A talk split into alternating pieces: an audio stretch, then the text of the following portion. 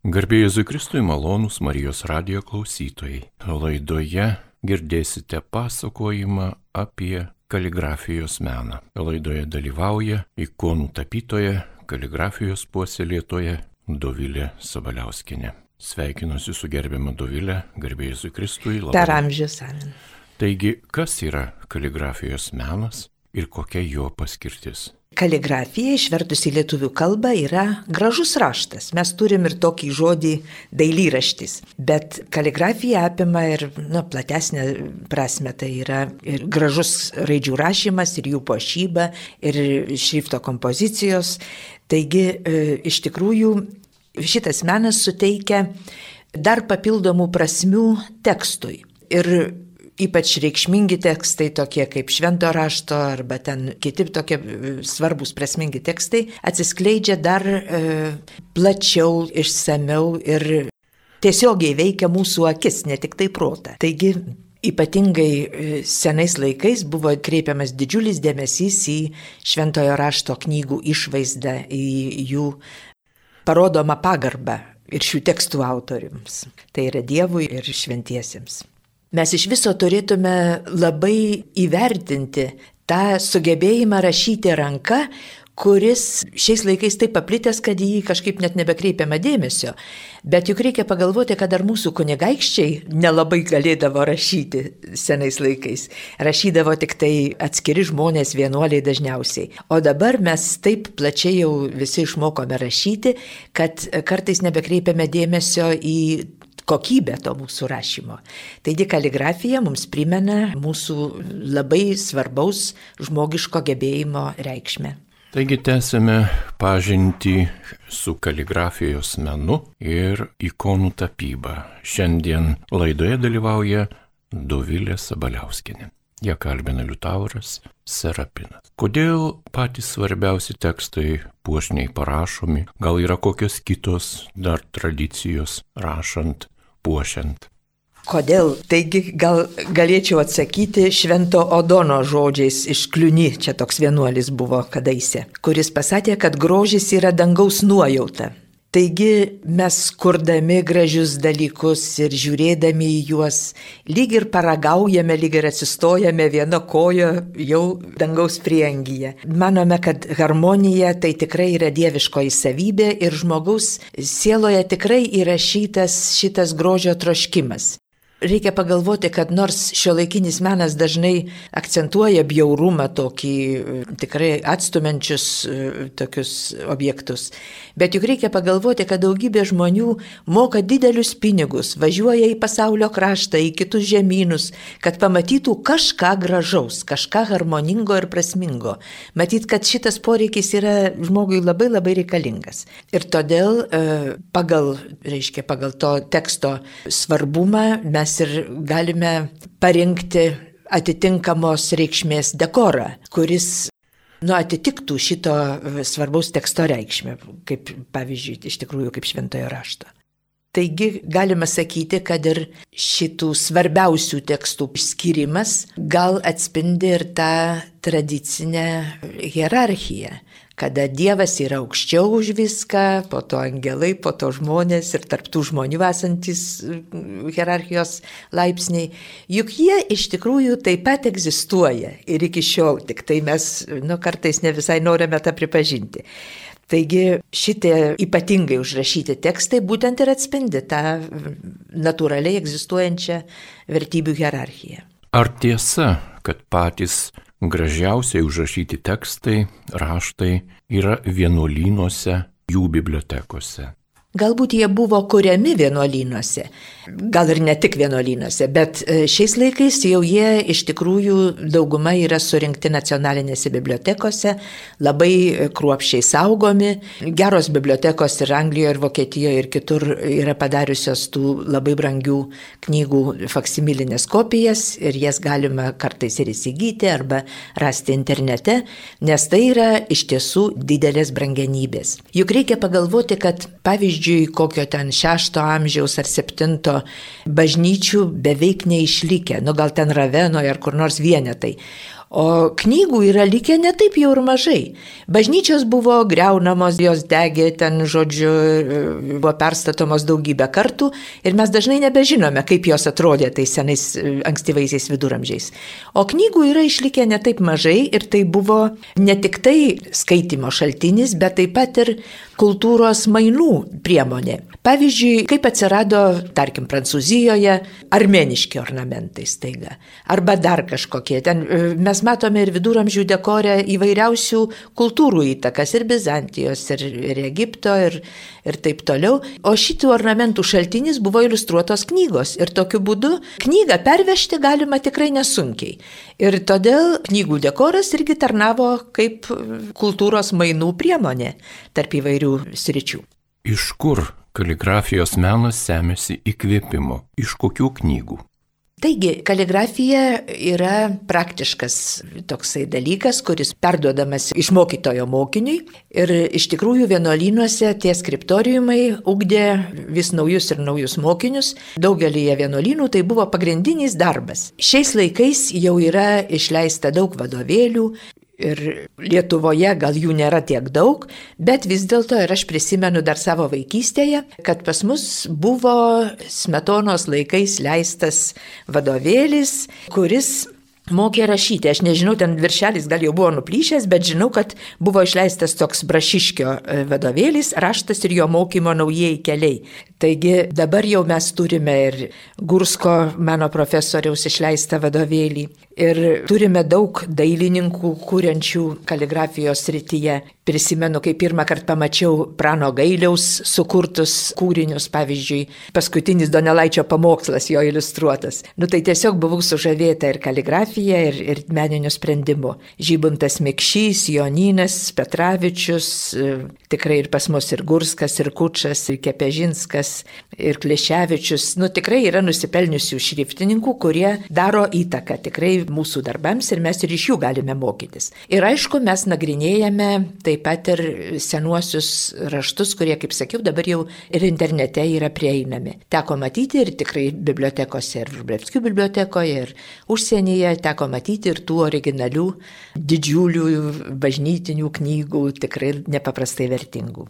Tai va, galima tiesiog pagalvoti, kokiegi šriftai į Lietuvą yra atėję. Mes žinome, kad seniausios bibliotekose laikomos knygos yra iš gotikos laikų, gotikinių tekstūros dažniausiai raštu parašytos. Pavyzdžiui, Gedimino laiškai, kurie vat šiemet minimi, yra gotikinių kursyvų parašyti. Ir pradėjau mąstyti, ar yra pas mus uncijalo pavyzdžių, kuris yra pirmojo tūkstantmečio šriftas, dar nepadalintos bažnyčios. Ir pagalvojau apie tokį dalyką, pasidomėjau, kokia buvo šriftinė aplinka esant gyvam Brunonui Bonifacui. Ir tiesiog buvau nustebinta, tų laikų rankraščių grožio. Pavyzdžiui, jo globėjo imperatoriaus Otono III Evangelijų knyga yra parašyta tikrai nepaprastai iškilmingų šriftų su puikiausiais inicialais per visą puslapį aukščiausio lygio kaligrafija. Tai yra aišku karališka knyga, bet aš manau, kad Otonas, būdamas imperatoriaus rūmų kapelionu, tikrai turėjo matyti šitas knygas ir kitas, kurios galbūt ir neišliko iki mūsų laikų, gal nebuvo taip saugomos kaip imperatoriškoji Evangelija. Taigi į mūsų duris beldėsi labai aukšta pirmojo tūkstantmečio ribos kultūra. Ir iš tikrųjų gaila, kad padarėm tokią pertraukėlę savo Lietuvos kultūroje ir pas mus jau atėjo atėjo šriftas gotikos laikais jau trupučiuką pasikeitęs. Taigi mes ir iš gotikos laikų taip pat turime iš ko pasimokyti ir pasisemti įkvėpimo. Taigi įkvėpimas, jūs minite apie tai, jog inspiracija įkvėpimas ateina iš praeities, bet gal yra kuriami ir nauji šriftai dabartyje, atliepiant poreikius ir ką kitą. Be abejo, tikrai taip. Ir pas mus yra tikrai jau e, gan rimta kaligrafijos mokykla. Pas mus Lietuvoje šriftas universitete pradėtas dėstyti XIX metais, taigi jau neseniai šventėme šrifto mokymo šimtmetį. Ir šiais laikais, bet paminėjau jau keletą pavardžių, menininkų, kurie tikrai daug dirba šrifto srityje ir yra sukūrę mums tikrai labai gerų pavyzdžių. Ir taip pat tenka pasižiūrėti, ką veikia ir užsienio kaligrafai. Vienas iš tokių pavyzdžių yra milžiniškas darbas atliktas Junktinėje karalystėje apie 2000 metus, parašyta vadinamoji Švento Jono Biblija. Ji pradėta kurti 98 ir baigta 2011 metais. Ir ją kūrė ištisa komanda, jai vadovavo labai garsus e, šriftininkas Donald Jackson, kuris yra Lordų rūmų, jo didenybės kanceliarijos raštininkas. Oficialus reiškia, oficialios pareigos. Jis sukūrė šriftą, jis vadovavo visam šitam rašymui, bet dirbo visa komanda. Tai buvo darbas ant didžiulių lapų, E, dvi ant trijų pėdų, tai galima sakyti, kad visas A1 formatas su fantastiškom iliustracijom, tai yra visiškai šio laikinis darbas, tikrai šio laikinio stiliaus ir kartu labai aukštos meninės kultūros. Kiek aš žinau, tai šita knyga net nėra įrišta kaip originalas, ji kaip paroda keliauja po visą pasaulį, o išleistos faksimilės ir jau yra jos nu, pagamintos kaip knygos. Taigi tai yra šio šimtmečio, būtent tų 2000 metų toks vienas iš didžiausių paminklų šio laikinės šrifto kultūros ir būtent sakralaus teksto meno. Taigi mes tikrai turime iš ko mokytis. Anglijoje iš viso yra daug kaligrafijos klubų, daug puslapių, kurie atspindi šitą meną, daug šriftininkų dirbančių ir aš tikrai irgi seku jų darbą ir tikrai yra iš ko pasimokyti. Galbūt yra dalis tokių, kurie tiesiog pažodžiui kopijuoja, paima senovinį kažkokį inicialą arba kažkokią ornamentą ir jį, na, bando nukopijuoti arba ten vos vos e, šiek tiek pakeisti. Bet žinoma, yra ir tokių, kurie tikrai laisvai interpretuoja, įneša įvairius tokius savo pastebėjimus. E, šrifto menas bendrauja ir su kitomis meno rūšimis. Pavyzdžiui, tikrai yra menininkų, kurie stebėdami gamtą gauna įkvėpimo savo šrifto darbams. Ir tikrai jų sukurtos raidės lyg ir iliustruoja ten kartais lyg ir tekant į vandenį arba medžių šakas arba akmenukų faktūrą kažkokią. Taigi santykis su gamta. Paskui šiais laikais mums turi įtakos ir kitos kultūros. Niekaip negalima peiti ir labai didelio musulmonų kaligrafijos tikrai didelės įtakos, kuri Ir šiais laikais jie turi labai aukšto lygio menininkų ir sukuria stulbinančių darbų. Ir jeigu mes užeitume į bet kokią, kad ir kokliausią mečetę, pavyzdžiui, kad ir pas mus ten ar nemėžyje ar kažkur, jie visada turi ant sienų pasikabinę puikiausių kaligrafijos darbų, gal jie atvežti ir iš kitur, bet jie mano, kad tai yra svarbus mečetės elementas, labai padeda maldai. Taip pat ir protestantai seniai naudoja būtent šriftus bažnyčiose. Taigi, kitaip sakant, šriftai ir architektūroje turi reikšmę nuo seniausių laikų ir įrašai taip pat visada egzistuoja ir bažnyčiose, ir viešų pastatų e, ant sienų mes daug kur galime pamatyti. Taip pat daug menininkų dirba bent keliose srityse, pavyzdžiui, ryšys su tekstilė. Va dabar yra argentinietė tokia menininkė Marina Sorija, kuri nagrinėja senovės Pietų Amerikos indėnų raštus, audimo būdus ir jos šrifto darbai kaip tik tai atspindi jos tą prigimtinę kultūrą. Taip pat ir pas mus yra menininkų, kurie, Inčirauskinė, ten kiti, kurie kūrė na, tekstilės darbus sujungia su šrifto darbais. Taigi iš tikrųjų gauname labai įdomių tokių naujoviškų šrifto pavyzdžių. Su keramika yra dirbančių, taip pat naudojančių šriftą. Taigi čia yra gan plati dar erdvė tikrai ir kūrybai, ir naujiems atradimams. Ir šiais laikais, kada daug tų meno sričių viena kitą papildo, ten viena kitai padeda, tai iš tikrųjų dar yra daug galimybių ir neatskleistų, bet man asmeniškai šiuo metu labiau gal trūksta būtent to mūsų senosios šrifto kultūros pažinimo, nes mums dabar labai didžiulę įtaką daro Kinija, Japonija, tikrai veikia puikūs klubai ten, kurie remiasi japonų kultūra, atskleidžia jos tikrai labai svarbias prasmes ir daug yra pasiekėjų, mokinių, bet sakyčiau, kad besidominčių viduramžių mūsų kultūra kažkaip mažoka. Man atrodo, kad reikėtų pasigilinti, čia mes dar turim daug neišsemtų tokių tikrai įkvėpimo šaltinių. Ir labai norėtųsi kažkaip prisidėti, kad mes geriau pažintume ir Europos kultūrą, ir savo Lietuvos taip pat e, šaltinius kad mes žinotume ir bažnyčiose esančius įrašus, ant kapių labai įrašai dažnai būna tikrai vertingi ir prasmingi ir, ir aukštos kokybės. Arba rankraščius pagaliau, mūsų baroko rankraščių didžiulis palikimas tikrai yra labai vertingas ir, ir reikėtų pratesti tas tikrai gražias tradicijas. Kodėl senų knygų, mišių knygų, giesmynuose, evangelijų tekstuose pirmoji raidė yra tokia pošni. Tai čia reikėtų turbūt irgi grįžti vėl prie tos hierarchijos. Pabrėžiama tai, kas svarbiausia, kas yra pati pradžia. Ir tos pirmosios raidės jos turėjo taip pat savo hierarchiją. Pati pirmoji raidė, kuri pradeda visą knygą, tikrai paprastai būdavo per visą puslapį, paskui, tarkim, skyrių inicialai galėjo užimti pusę puslapio, paskui dar atskirų eilučių pradžios arba atskirų ten skirelių pradžios, jau mažesni inicialai, atspindėdavo visą tos knygos struktūrą. Ir tu atsiversdamas iš karto matai, kur yra, tarkim, prasideda nauja evangelija ar prasideda naujas skyrius. Tai čia tiesiog toks praktiškas supratimas. Ir kartu, aišku, menininkai stengdavosi atskleisti savo tikrai sugebėjimus ir visas jie jėgas atiduoti Dievo garbinimui. Visa, ką jie gali. Tai aišku, tai, kas išliko iki mūsų laikų, tai buvo patys aukščiausi kaligrafijos pasiekimai. Tikrai pačių aukščiausių menininkų. Bet viduramžiais buvo ypatingai vertinamos taisyklės, tas taisyklių laikymasis, disciplina, noras pasiekti grožio ilgomis pastangomis buvo labai labai svarbus ir rėmimasis visos bažnyčios tradicija. Ir todėl netgi ir netokie talentingi menininkai vis tiek pasiekdavo gerų rezultatų, nes jie laikėsi tų taisyklių.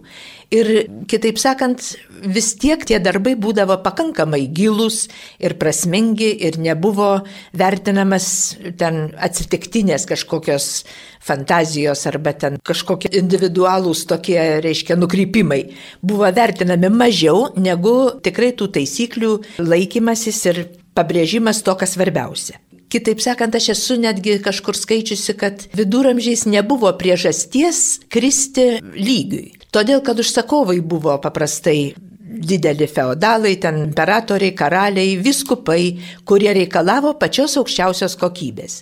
Ir tik tai tada, kai, pavyzdžiui, knygos buvo pradėtos spausdinti plačiau, jau po truputėlį ta šrifto kultūra ėmė, na, kaip ir prastėti, nes atsirado labai daug rašančių ir nebebuvo reikalaujamos tos pačios aukščiausios kokybės. Taigi galime dar būtų susijęti ir su tokiu dalyku, kaip Platono idėjos, kad dvasios viršenybė virš kūno, pabrėžiama būtent ta dvasinė prasme ir kartais net neracionaliai tikrai išnaudojamas labai brangus pergamentas didžiausiems, išraiškingiausiems inicialams.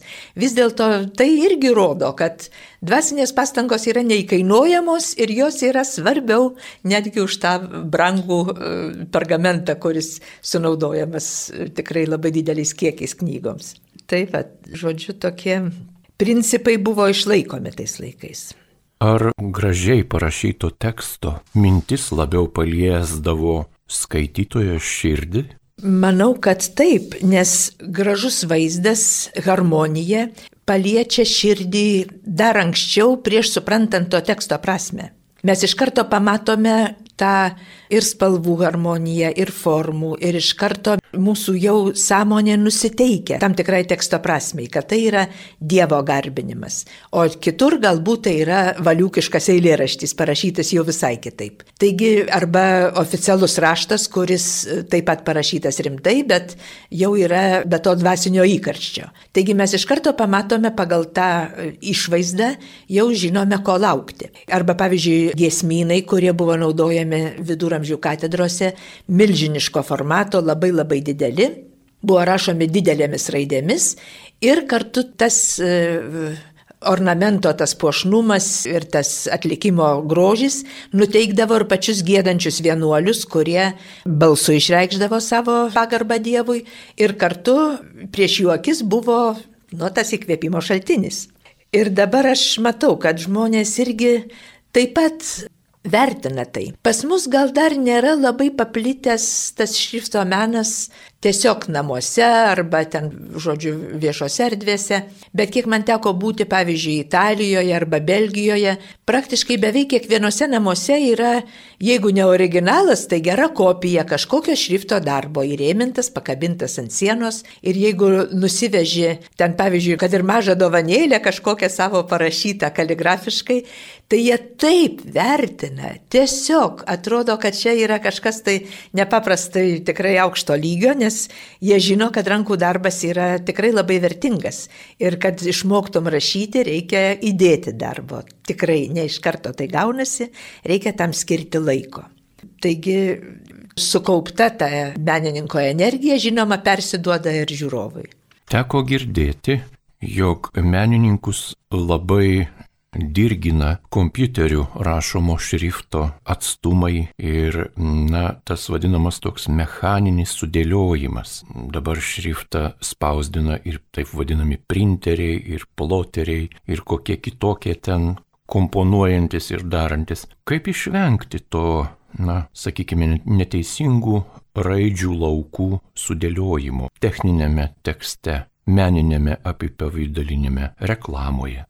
Na čia jau reikėtų užduoti klausimą kompiuterinių programų specialistams. Bet iš tikrųjų reikia prisiminti dar ir tai, kad visi šitie e, šriftai yra kažkada sukurti ranka, parašyti teptuku arba plunksna ir paskui tik tai apdirbti kompiuterinėmis programomis ir pritaikyti kompiuteriniams šriftams. Taigi išmintingai naudojantis galime taip pat pasiekti gerų rezultatų, tik tai tam reikia jau padirbėti ne, ne su paprastomis šrifto programomis, bet su vaizdo programomis, kurios e, skirtos nu, subtilesniam apdirbimui, kur galima ir kilnuoti tas raidės, ir pastumdyti, ir taip toliau, norint pasiekti tikrai gero, pavyzdžiui, reklamos e, užrašo rezultato. Nes e, žinoma, kad tie tarpai tarp raidžių, jie net ir nesamoningai, bet vis dėlto blaško. Seniau geros spaustuvės, pavyzdžiui, pavyzdžiui, turėdavo, tarkim, A raidės nulietų raidžių komplektą ne visai vienodų. Jeigu labai, labai gerai įsižiūrėtume, tai pamatytume, kad ten vienur suplonėjimas didesnis, kitur mažesnis ir arba ten kažkoks kabliukas trupučiuką kitaip užriestas ir šriftas gaudavosi gyvas. Reiškia, tos raidės, na, jos keisdavo vieną kitą ir gaudavosi toks gyvas šrifto vaizdas. Šiais laikais, aišku, šito nėra ir mes jau naudojamės kompiuteriu taip, kaip yra yra, ką padarysi. Bet e, žinoma, vėlgi, tada turime suprasti to teksto hierarchiją.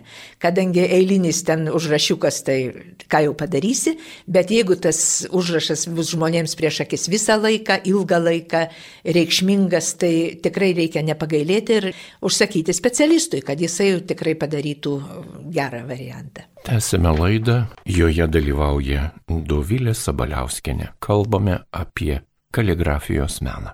Kaip žmonės mokosi kaligrafijos meno?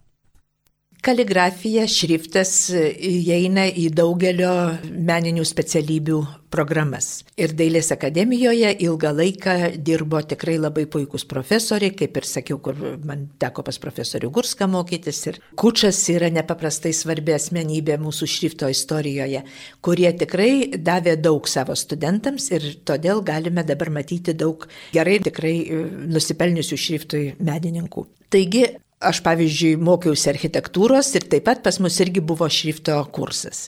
Tik tai mes mokėmės daugiau gal tokio techninio šrifto, o iš tikrųjų tai meninio šrifto kursų ir dabar yra dar ir už aukštųjų mokyklų ribų. Yra dabar ir viena ir kita studija, kur galima pasimokyti šrifto. Ir kolegijoje žinau, kad vedamos šrifto tokie kaip papildomi užsiemimai šrifto mokymasis apima irgi daug dalykų. Taip pat reikia susipažinti ir su šrifto istorija, ir atlikti ritminius pratimus, ir lapo kompoziciją mokytis, ir rašyti jau tuos pačius šriftus, tiesiog mokytis kiekvieno šrifto savybės, e, įvaldyti įvairius įrankius. Vienai prašoma plunksna, kitai prašoma nendrė arba bambuku, arba dabar net ir naujomis priemonėmis, kai kas rašo net pipetę arba pasidaro įrankį iš konservų skardinės ir kiekvienas įrankis diktuos kitokią meninę išraišką. Taigi įvaldomi tie visi įrankiai ir tada kuriami tikrai jau kūrybiniai darbai, naudojant išmoktus visus tos elementus. Taigi pasimokyti galima, bet kad geros kaligrafijos neišmoksi, jeigu pastoviai nedirbsi. Ir iš tikrųjų reikia kaip muzikantui gamą, taip ir šriftininkui reikia nuolat rašyti. Žinau, kad kai kurie šriftininkai taip pat ir aš esu bandžiusi tiesiog rašyti tokius šriftinius dienoraščius. Kasdien užsirašyti nesvarbu ką, bet vienu ar kitu dailiu šriftu padirbėti nors 15 minučių, jeigu negali daugiau.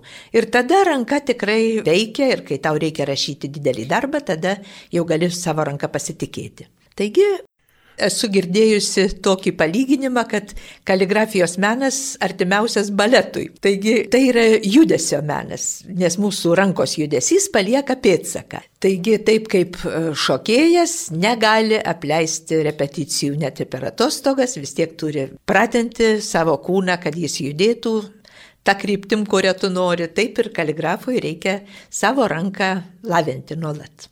Gerbima Dovilė, o jūsų mėgstamas instrumentas koks? Mano mėgstamas instrumentas e, gal būtų bambuko rašiklis, bet tokių didelių užsakymų nelabai aš ten gal dažnai turiu. Dažniausiai rašau vis dėlto metalinę plunksną, kuri yra tiksli, ir su ją tikrai galime labai kruopšiai rašyti. Būtų gerai rašyti žasies plunksną, kuri be tikslaus rašymo dar yra ir labai lanksti, bet šiais laikais gauti gerų plunksnų yra jau reta. Žasų ūkių nelabai daug ir, žodžiu, nebėra taip kaip viduramžiais, kur būdavo tiesiog krūvos tų plunksnų ir tada jau tu su ją gali rašyti. Taigi aš daugiausia vis dėlto rašau metalinę plunksną. Kokias savybės ugdo kaligrafijos mokymasis? Kaligrafijos mokymasis pirmiausia ramina. Nes tu susinervinęs, na, tu parašysi nelabai ten kokį vaizdą. Reikia pirmiausia įgauti ramybės, įgauti tam tikrą ritmą, kur vėlgi kiekvienas turinys reikalaus savo ritmo. Jeigu tu rašysi kažkokį piktą tekstą, reiškia, tai bus ritmas vienoks, jeigu rašysi e, maldos žodžius, tai reikės įgauti iš tikrųjų tokį nusiraminimą. Aš kartais esu pastebėjusi, kai pavyzdžiui atvažiuoji rekolekcijas, jeigu esi žmogus išvargęs, susinervinęs, ranka šokinėja, šriftas nelygus. Po rekolekcijų pradedi rašyti, kiekviena raidelė kaip perliukas visos lygios ir visos gražios. Taigi iš tikrųjų mūsų dvasinė būsena atsispindi šrifte ir viena kita veikia. Ir dvasinis nusiraminimas veikia šriftą ir šrifto rašymas veikia mūsų dvasia taip pat. Ar kaligrafija yra surišta su daile? Tai kaligrafija yra dailės rytis. Nebe rašto, o būtent meno rytis. Šiais laikais tai jau laikome būtent meno sritimi. Bet kadangi, kaip sakiau, tai ir mokomasi dailės mokyklose. Kai aš e, dar lankiau pradinę mokyklą, pas mus buvo dailyraštis ir mes su plunksnele mirkėm plunksnakoti į rašalą ir rašėm su paspaudimais ir tai buvo mūsų tiesiog rašymo mokymasis. Ir dabar pradinėse mokyklose žinau, kad yra dailyraščio ir konkursai ir bandoma tai daryti, bet na, kaligrafija tokia jau plačiaja, didžiaja prasme, tai vis dėlto šiais laikais jau laikoma daugiau meno sritimi. Kaip yra šiandieną? Ar žmonės ranka rašo labai mažai ar daug? Ar kaligrafija yra populiari kasdienybėje? Na, kaip žinote, tai dabar jau daugumą rašo klavišais iš tikrųjų. Viena draugė man pasakojo, kad ji buvo su savo draugais įsteigusi ranka rašytų laiškų klubą ir jie vienas kitam rašydavo laiškus, kad neužmirštų rašyti. Taigi mūsų e, tas ranka rašymas darosi vis labiau pagalbinis ir aš visada sakau komplimentą gydytojams, kurie rašo parkeriu. Nes jeigu rašai tušinuku, tai šriftas pasigadina siaubingai, jau netitaisomai. Bet vis dėlto aš esu sutikusi gydytojų, kurie rašo parkeriu pakankamai gražiai ir jie tai daro samoningai, kad išlaikytų, e, reiškia, tą savo perskaitomą šriftą. Taigi vis dėlto kaligrafija populiarėja, daugiau atsiranda norinčių jos mokytis, nes tikrai ir dizaineriai, ir reklamos specialistai turi mokėti rašyti ir kartu tai daug daugiau žmonių vis atsiranda norinčių. Ir tos galimybės būtent nurimti rašant vienas dalykas, kitas dalykas, pavyzdžiui, ikonografai nori taip pat gražiai rašyti, nes ikonos svarbi sudėtinė dalis yra užrašas. Tai jiems taip pat būtina, kad šriftas jų būtų pakankamai geras. Taigi yra tokių žmonių, bet žinoma, tai nėra dauguma. Yra daug žmonių, kuriems gražus tas šriftas, kurie pastebi, bet pačiam rašyti, matote, čia reikia tikrai laiko reikia skirti. Ar galima apie žmogų spręsti, skaitant jo raštą? Žinoma, reikėtų pasižiūrėti į mūsų šventųjų, pavyzdžiui, raštus Teresės Avilietės arba Kryžiaus Jono, kokie tai yra, net nepasakyčiau, kad tai dailūs raštai, jie galbūt energingi, bet kokie jie yra ritmiški, rašomi su didelė jėga ir iš tikrųjų atspindi, atspindi tą specialybę. Bet gal ir nebūtinai. Dabar, kadangi tas šrifto mokymas yra tikrai suprastėjęs, daug žmonių yra, kurie rašo galbūt ir prastai, bet jie yra vertingi, tikrai labai išmintingi žmonės ir panašiai. Bet čia met toks jau yra specialus dalykas, kurios, kaip sakiau, reikia mokytis. Kur reikėtų kreiptis, jeigu norėtum išmokti šio meno? Taigi aš norėčiau pasakyti, kad kaip tik tai vakar pradėjo darbą e, nauja kaligrafijos studija Kalamum, tai reiškia nendrė arba nendrinis rašiklis, kuri atsidarė Vilniaus kultūros ir dvasingumo centre, Trakų gatvėje Vilniuje, Pranciškonų vienuolino patalpose. Pranciškonai labai tikrai padėjo daug pastangų, įrengė studiją, tikrai susirinko pirmą grupelę ir mes jau darbą pradėjome. Labai malonu, kad tikrai yra entuziastų, kurie nori ir aš labai tikiuosi, kad atsiras ir daugiau žmonių, kurie tikrai norėtų susipažinti su būtent tos krikščioniškosios Europos šrifto palikimu. Bet yra ir daugiau studijų, kurios veikia, kaip sakiau, Vilniuje. Ir ten, nu, kiekviena studija moko savo kryptimi šio laikinė kaligrafija arba tokia daugiau skirta galbūt reklamai ar panašiai. Taigi paieškojus galima surasti tikrai, kur galima pasimokyti. Na ir laidos pabaigai. Gerbiama Dovilė, o kodėl jūs pasirinkote kaligrafijos meną? O čia mano yra nuo pat vaikystės toks yra potraukis. Kaip sakiau, pradinėje mokykloje mokiausi jau tokio dailyraščio Ir mano namuose buvo mano dėdės darbų, kuris baigė, mokėsi dailės akademijoje karo metais ir pasitraukė su kitais dailės studentais, baigė mokslus Freiburgė. Ir keletas jo darbelių tiesiog mėtėsi namuose. Ir aš tuos jo kaligrafijos darbus tiesiog adoruodavau.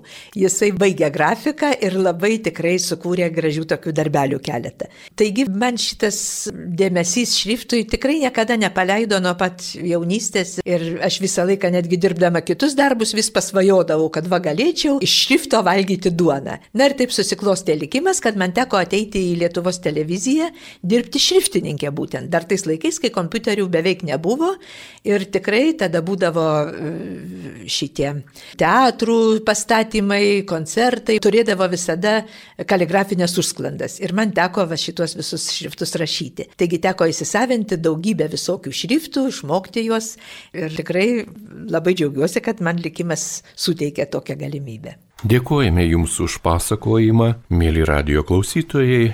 Šiandien Jums pasakojo ikonų tapytoja, kaligrafijos puoselėtoja Dovilė Sabaliauskienė. Ja kalbino Liutauras Serapinas, linkėdamas Jums toliau likti su Marijos radiju.